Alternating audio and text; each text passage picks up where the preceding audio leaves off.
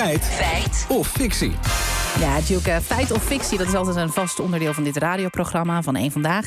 En meestal stel ik dan een vraag aan Lammert, die gaat hij dan helemaal voor mij uitzoeken. Maar uh, vandaag even omgedraaid, jij hebt er eentje voor mij. Dat klopt. Uh, en die gaat over vragen stellen aan ChatGPT. Um, en dat zou water kosten. Ja, nou, het is nieuwe technologie ontzettend populair. Vraag maar iets, er komt sowieso een antwoord uitrollen. De chatbot kan zelfs een sollicitatiebrief voor je schrijven.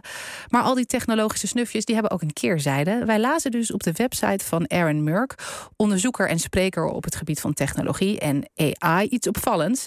Met het stellen van één vraag aan ChatGPT verbruik je één liter water. 1 liter water? Ja, althans, dat schrijft hij dan. Hè. Uh, dus we zijn het gaan checken. We vroegen hem eerst hoe hij aan die informatie komt. Ik doe daar onderzoek naar en ik kijk rond online. Dus ik vond een artikel op AG Connect. Volgens mij een betrouwbaar techmedia. Met de titel 1 ChatGPT-vraag kost 1 liter schoon water. Dus uh, dat techmedium, hij zegt een betrouwbaar techmedium, heeft dat bij het rechte eind. Uh, uh, allereerst ChatGPT, waarom is dat eigenlijk populair? nou, dat is ontzettend makkelijk, zegt Jelle Zuidema, hoogleraar natuurlijke taalverwerking aan de Universiteit van Amsterdam. Iedereen weet het inmiddels te vinden. Hij wordt steeds een beetje beter en hij kan steeds meer studenten, maar ook allerlei andere mensen, rechters, advocaten. Een hele hoop mensen kijken met heel veel met begeerige ogen naar. Ja maar een zoekopdracht geven en waterverbruik, hoe zit dat? Ja, daar waren wij dus ook benieuwd naar. Dus we vroegen Bernard van Galen, docent duurzame digitalisering aan de Radboud Universiteit, hoe een zoekopdracht op ChatGPT precies zorgt voor waterverbruik.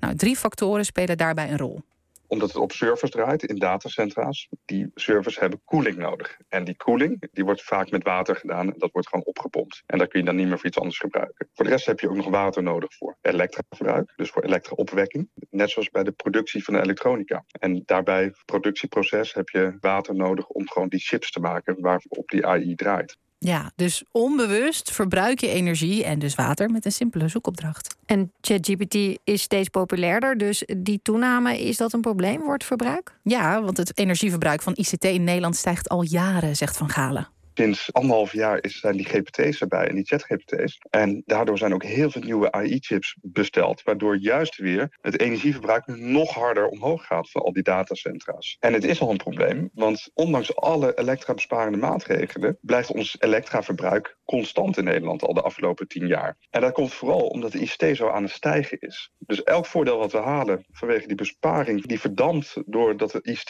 weer meer elektra gaat gebruiken. Ja, je moet dat verbruik dus op een andere manier aan banden leggen. Maar hoe doe je dat? Nou, daar wordt druk aan gewerkt. Want toen ChatGPT net uitkwam, was het verbruik enorm.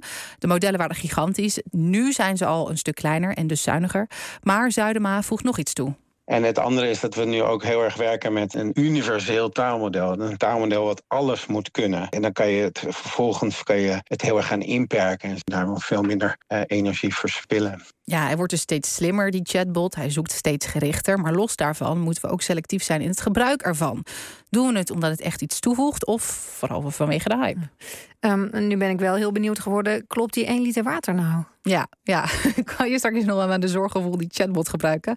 Uh, nou, onderzoekers aan de eh, Amerikaanse universiteiten in Texas en Colorado... die hebben dat uitgezocht onder de noemer Making AI Less Thirsty. En Van Galen ligt de resultaten voor ons toe. Wat ze daarin noemen is dat een sessie van 10 tot 50 antwoorden van ChatGPT gelijk is aan 500 milliliter aan water.